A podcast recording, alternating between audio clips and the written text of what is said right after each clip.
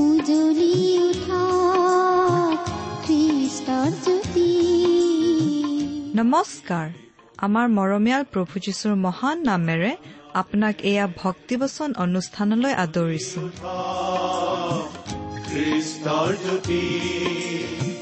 আকাশ বতাহ মুখৰিত কৰি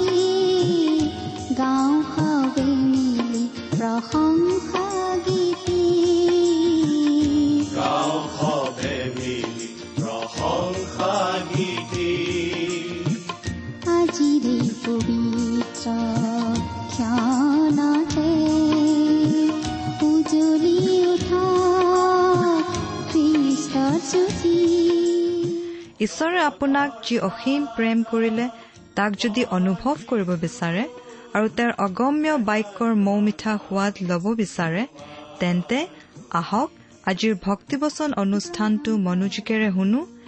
এয়া আপোনালৈ আগবঢ়াইছো। ঈশ্বৰৰ জীৱন্ত বাক্যৰ অনুষ্ঠান ভক্তিবচন।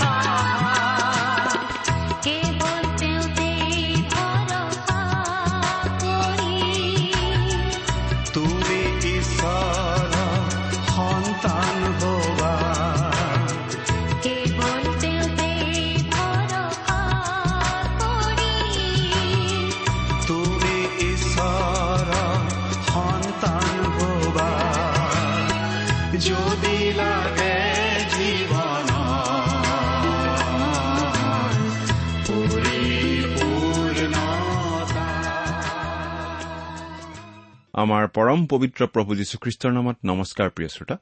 আশা কৰো মহান পিতা পৰমেশ্বৰৰ মহান অনুগ্ৰহত আপুনি ভালে কুশলে আছে। লগতে এই বুলিও আশা কৰিছো যে আপুনি আমাৰ এই ভক্তিবচন অনুষ্ঠানটো নিয়মিতভাৱে শুনি আছে। প্ৰিয় শ্ৰোতা এই অনুষ্ঠান শুনি আপুনি কেনে পাইছে আমালৈ চিঠি লিখি জনাবচোন। আপোনালোকৰ পৰা চিঠি পত্ৰ পাবলৈ আমি আগ্ৰহেৰে বাট চাওঁ। আমাৰ যোগাযোগৰ ঠিকনাটো হয়তো আপোনাৰ মনত আছে তথাপি আকৌ এবাৰ কৈ দিছো। ভক্তিবচন টি ডাব্লিউ আৰ ইণ্ডিয়া ডাক বাকচ নম্বৰ সাত শূন্য গুৱাহাটী সাত আঠ এক শূন্য শূন্য এক। ঠিকনাটো আৰু এবাৰ কৈছো ভক্তিবচন টি ডাব্লিউ আৰ ইণ্ডিয়া ডাক বাকচ নম্বৰ সাত শূন্য গুৱাহাটী সাত আঠ এক শূন্য শূন্য এক। আহকচোন আজিৰ বাইবেল অধ্যয়ন আৰম্ভ কৰাৰ আগতে খন্তেক প্ৰাৰ্থনাত মূৰ দুৱাওঁ। স্বৰ্গত থকা অসীম দয়ালু পিতৃ ঈশ্বৰ তোমাৰ মহান নামৰ ধন্যবাদ কৰো। তুমি মহান তুমি কৰুণাময় তুমি অনুগ্ৰহৰ আকৰ। তোমাৰ অনুগ্ৰহতেই আজি আমি প্ৰভু যীশুত বিশ্বাস কৰি পৰিত্ৰাণ পাব পৰা হৈছো তোমাক পিতৃ বুলি মাতিব পৰা হৈছো। তুমি আমালৈ যিমান অনুগ্ৰহ দেখুৱাইছা তাৰ বাবে তোমাক ধন্যবাদ দি আমি শেষ কৰিব নোৱাৰো। এতিয়া প্ৰাৰ্থনা কৰিছো তোমাৰ মহান বাক্য বাইবেল শাস্ত্ৰৰ যোগেৰে তুমি আমাক কথা কোৱা। তোমাৰ মাত আমাক শুনিবলৈ দিয়া। কিয়নো এই প্ৰাৰ্থনা আমাৰ মহান ত্ৰাণকৰ্তা প্ৰভু যীশুখ্ৰীষ্টৰ নামত আগবঢ়াইছো।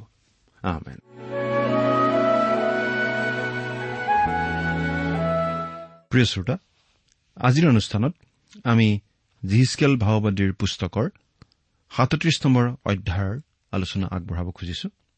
এই সাতত্ৰিশ নম্বৰ অধ্যায়ত আমি পাওঁ মৰা মানুহৰ শুকান হাড়েৰে ভৰি থকা উপত্যকা এটাৰ দৰ্শনৰ কথা। এই অধ্যায়টোৰ কথাখিনিৰ ব্যাখ্যা আচলতে ইছৰাইল জাতি আৰু দেশৰ ভৱিষ্যতে হ'বলগীয়া পুনৰ সংস্থাপনৰ সৈতে জড়িত। এই পুনৰ সংস্থাপন গোটেই ইছৰাইল জাতিটোৰ জাতীয় সত্তাৰ সৈতেও জড়িত আৰু ইয়াৰ আগৰ অধ্যায়ত ঈশ্বৰে জনোৱা ইছৰাইল জাতিৰ আম্মিক পুনৰ জাগৰণ আৰু পুনৰ সংস্থাপনৰ সৈতেও জড়িত। ইয়াত আমি এটা গুৰুত্বপূৰ্ণ আৰু বিশেষভাৱে মন কৰিবলগীয়া দৰ্শনৰ কথা পাওঁ আৰু আমি এই কথা পৰিষ্কাৰ কৰি দিব খুজিছো যে এই দৰ্শনটো মণ্ডলীৰ মৃত লোকসকলৰ পুনৰুত্থানৰ সৈতে জড়িত নহয়।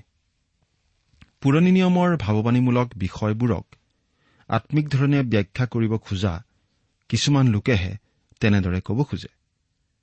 কিন্তু যেতিয়া আমি ভাৱবাণীবোৰ আক্ষৰিক অৰ্থত লওঁ তেতিয়া তাৰ বিশেষ অৰ্থ আমি বুজি পাওঁ। ইয়াত আমি ইছৰাইল জাতিৰ কথাহে আলোচনা কৰি আছো। আমি ইয়াত কোনো ব্যক্তিৰ আম্মিক নাইবা শাৰীৰিক পুনৰুত্থানৰ কথা আলোচনা কৰা নাই। আমাৰ ব্যক্তিগত টোকাত এই অধ্যায়টোক ইছৰাইলৰ পুনৰুত্থান বুলি লিখি থলেহে অধিক অৰ্থবহ হ'ব। অৱশ্যে এই কথাটো বহু সময়ত মানুহে ভুল বুজে। কিছুমানে ভাবে আমি অব্ৰাহামৰ পৰা আদি কৰি সকলো মৃত লোক পুনৰুত্থিত হ'ব বুলি কোৱা বুলি। কিন্তু ইয়াত সেই কথাটোও বুজোৱা হোৱা নাই। কিন্তু ই নিশ্চয় ইছৰাইল জাতিৰ সন্দৰ্ভতেই কোৱা কথা।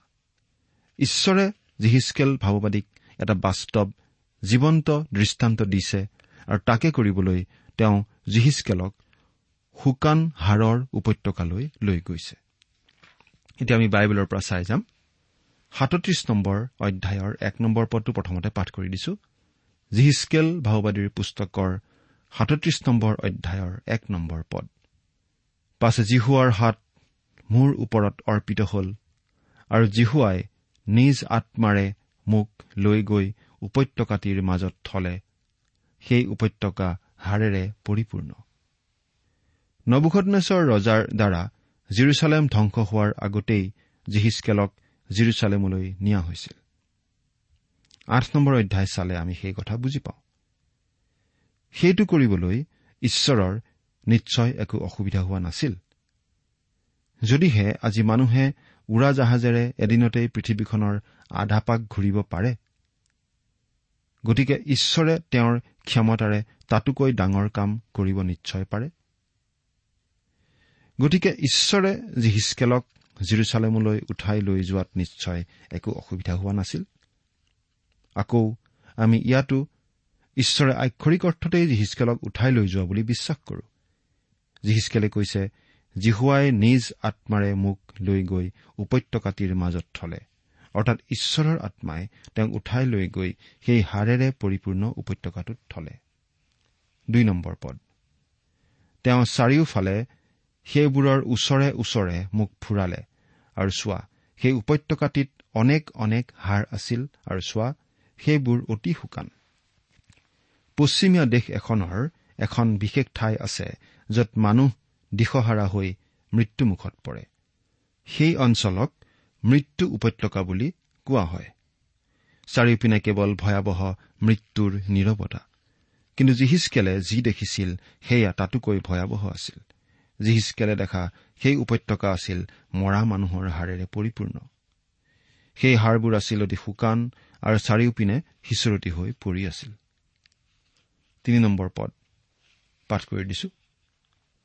পাছে তেওঁ মোক কলে হে মনুষ্য সন্তান এই হাড়বোৰ জীৱ পাৰেনে?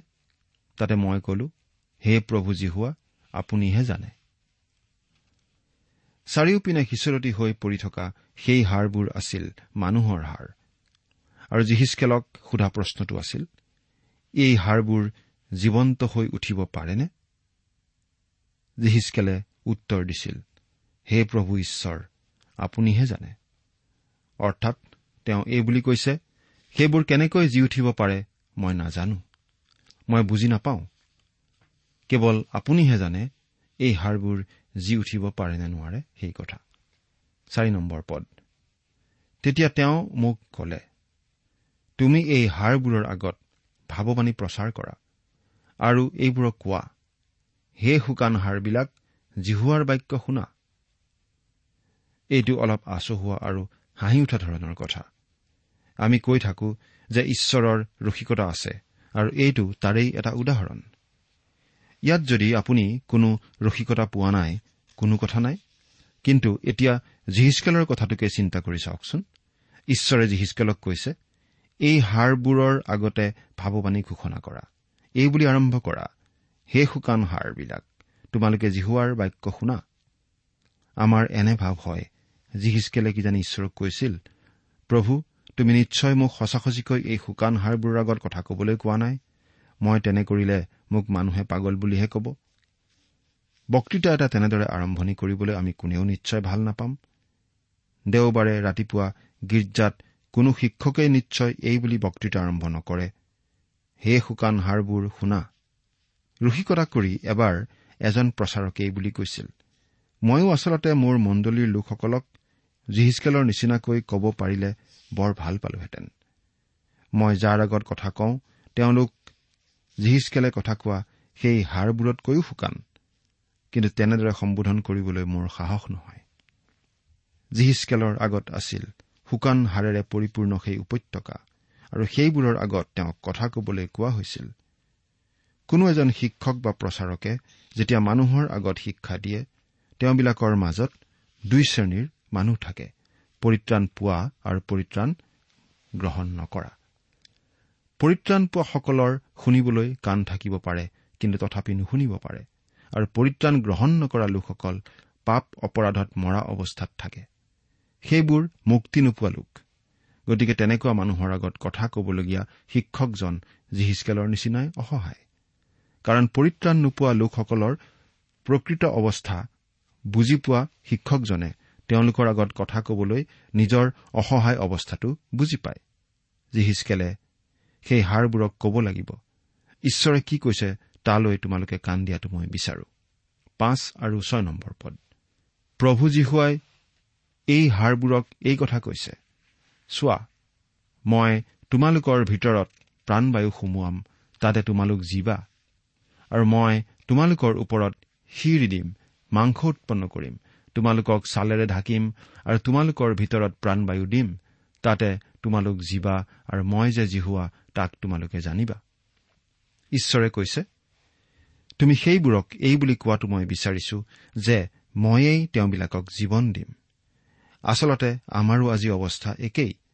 যদি ঈশ্বৰে কাৰ্য নকৰে কাৰো আম্মিক জীৱন নাই।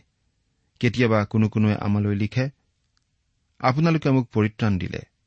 প্ৰিয় শ্ৰোতা আমি কাকো কেতিয়াও পৰিত্ৰাণ দিয়া নাই দিব নোৱাৰো। আমি কেৱল শুকান হাড়ৰ আগত কথা কওঁ। ঈশ্বৰৰ বাক্য দিওঁ। ঈশ্বৰৰ আত্মাইহে জীৱন আনিব লাগিব। কেৱল তেনেদৰেহে জীৱন আহিব পাৰে।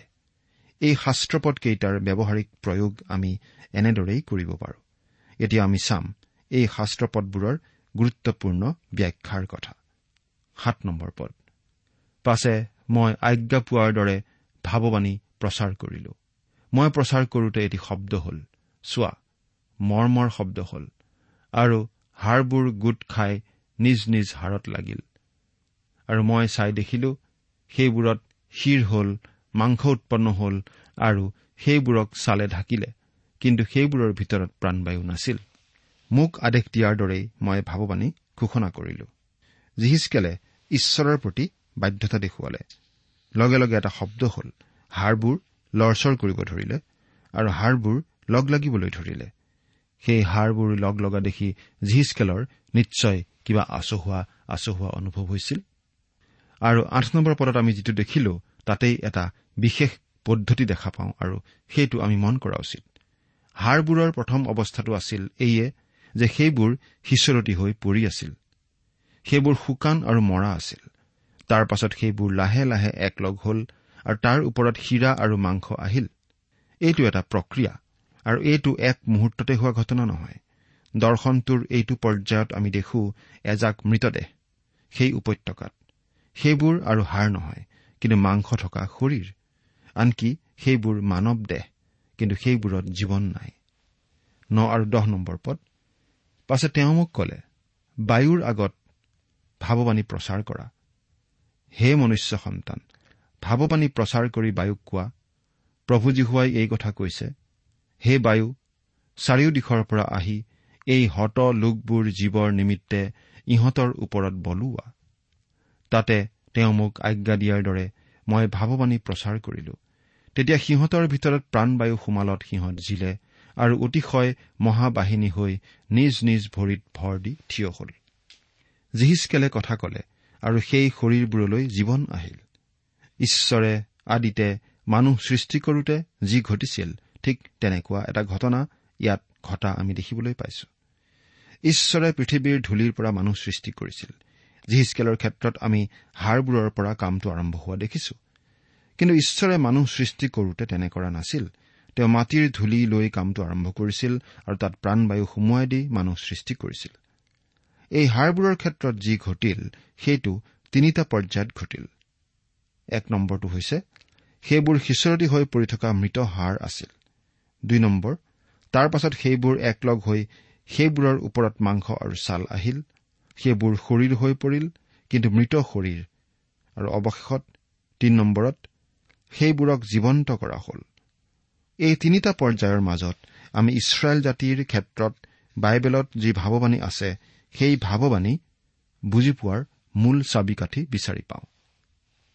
এতিয়া এই পদটোৱে এই দৰ্শনটোৰ অৰ্থ ব্যাখ্যা কৰে। এঘাৰ নম্বৰ পদ। পাছে তেওঁ মোক কলে হে মনুষ্য সন্তান এই হাড়বোৰেই ইছৰাইলৰ গোটেই বংশ।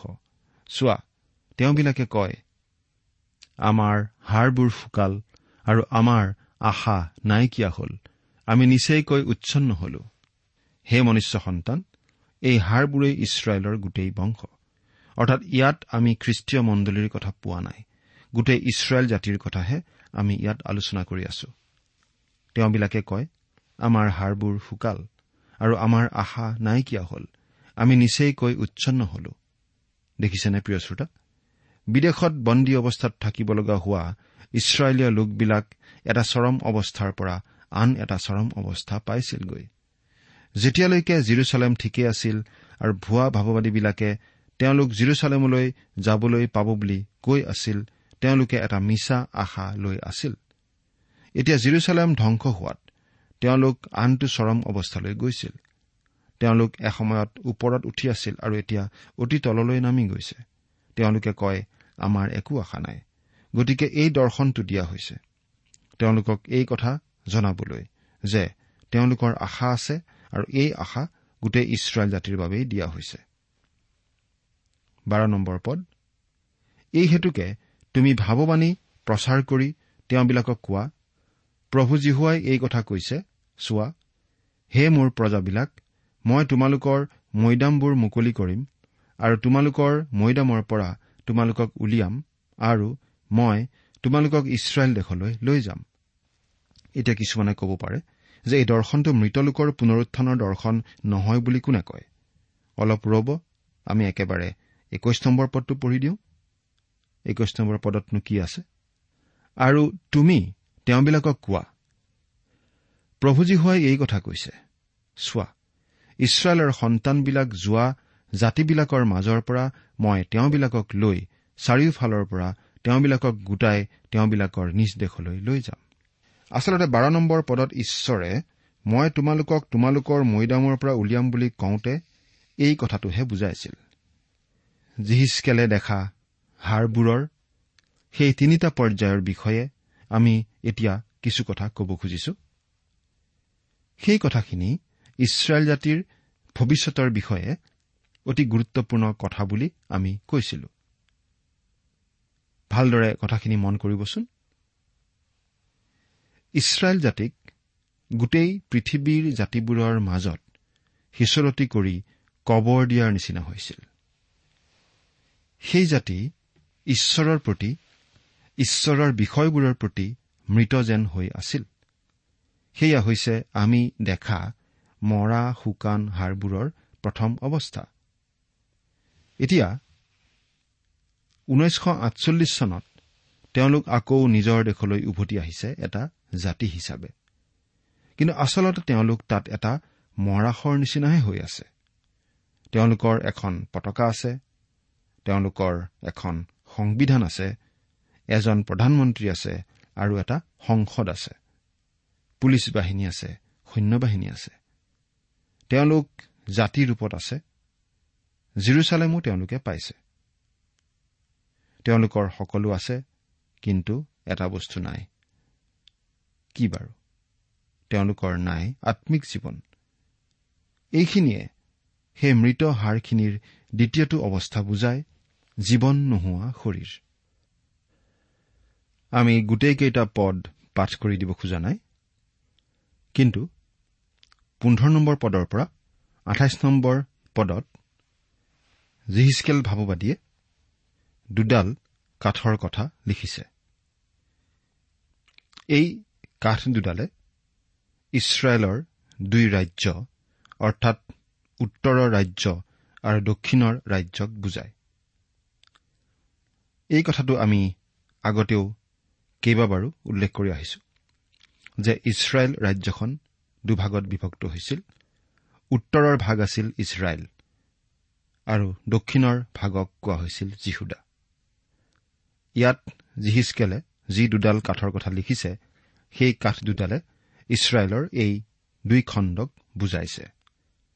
এই গোটেইখিনি লগ হৈ আকৌ এটা জাতি হ'ব।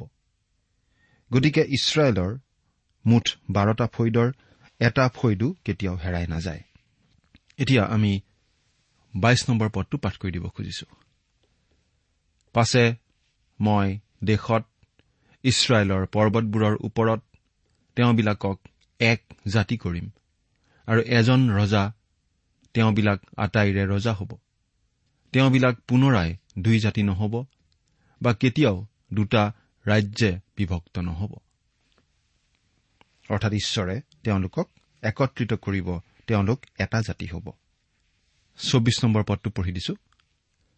আৰু মোৰ দাস ডায়ুদ তেওঁবিলাকৰ ওপৰত ৰজা হ'ব আৰু তেওঁবিলাক সকলোৰে এজন ৰখীয়া হ'ব।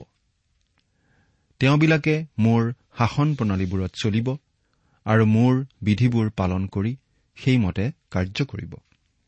সেই এজন মেৰখীয়া আমাৰ প্ৰভু যীশুখ্ৰীষ্টৰ বাহিৰে আন কোনো নহয়। যেতিয়া তেওঁ আহিছিল তেওঁ ডায়ুদৰ বংশত জন্মগ্ৰহণ কৰিছিল।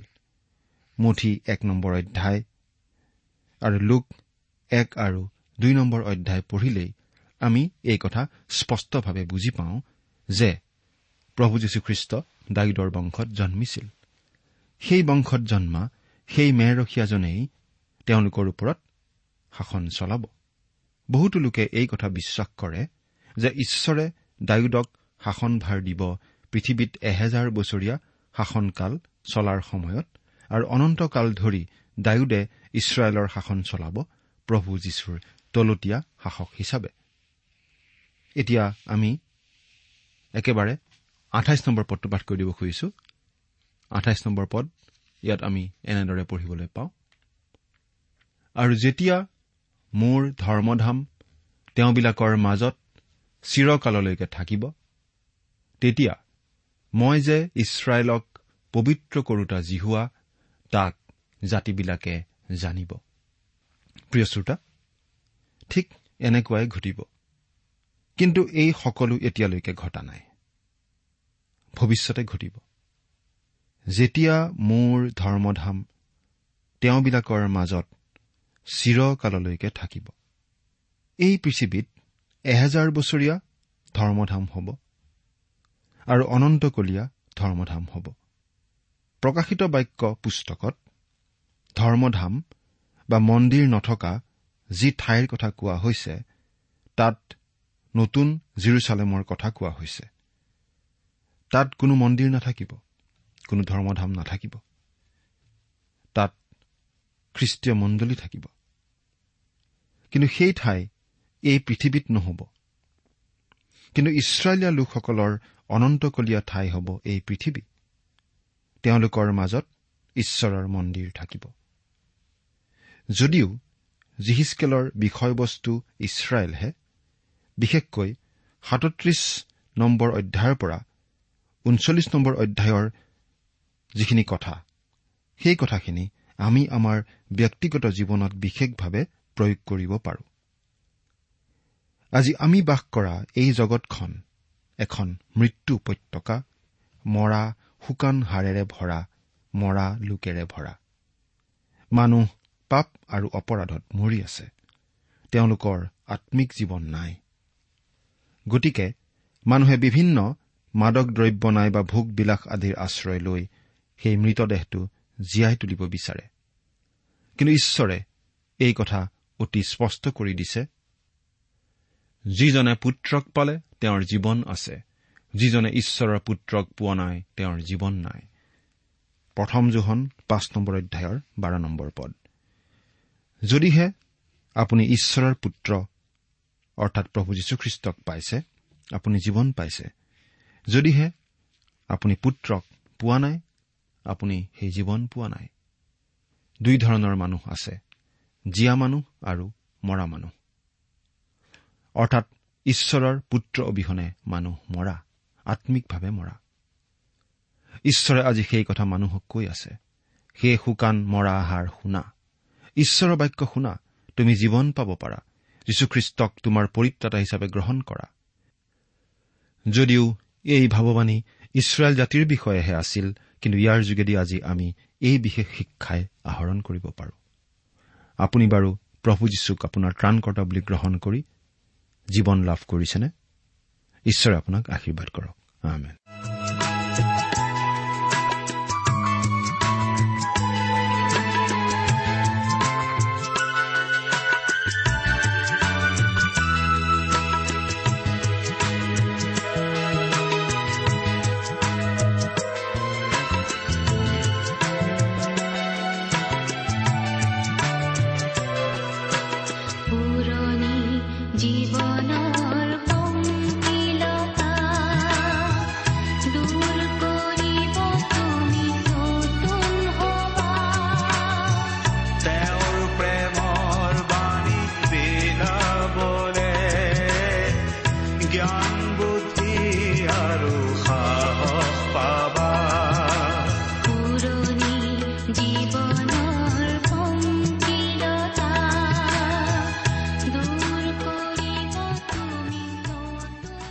পৰে আপুনি ভক্তিবচন অনুষ্ঠানটি শুনিলে। অনুষ্ঠানটি শুনি কেনে পালে? আমালৈ চিঠি লিখি জনাবচোন। অনুষ্ঠানত প্ৰচাৰ কৰা কোনো কথা বুজিব লগা থাকিলেও আমালৈ লিখক। আমাৰ ঠিকনা ভক্তিবচন টি ডাব্লিউ আৰ ইণ্ডিয়া ডাক পাকচ নম্বৰ সাত শূন্য গুৱাহাটী সাত আঠ এক শূন্য শূন্য এক। ঠিকনাটো আৰু এবাৰ কৈছো। ভক্তিবচন টি ডাব্লিউ আৰ ইণ্ডিয়া ডাক পাকচ নম্বৰ সাত শূন্য গুৱাহাটী সাত আঠ এক শূন্য শূন্য এক। আপুনি ইমেইল যোগেৰেও আমাৰ সৈতে যোগাযোগ কৰিব পাৰে। আমাৰ ইমেইল আইডিটো হৈছে Assamese T TV at radio' eight eight two dot com. আইডিটো আকৌ এবাৰ কৈছো। Assamese T TV at radio' eight eight two dot com. আপুনি টেলিফোনৰ মাধ্যমেৰেও আমাক যোগাযোগ কৰিব পাৰে। আমাৰ টেলিফোন নম্বৰটো হৈছে শূন্য তিনি ছয় এক দুই ছয় শূন্য চাৰি ছয় সাত এক। ফোন নম্বৰটো আকৌ এবাৰ কৈছো zero' three six one two six zero' four six seven one. আজিৰ অনুষ্ঠানটি ইমানতে সামৰিছো। ঈশ্বৰৰ শান্তি আৰু অনুগ্ৰহ আপোনাৰ লগত থাকক। ধন্যবাদ। আজি কৰা গ্ৰহণ যদি লাগে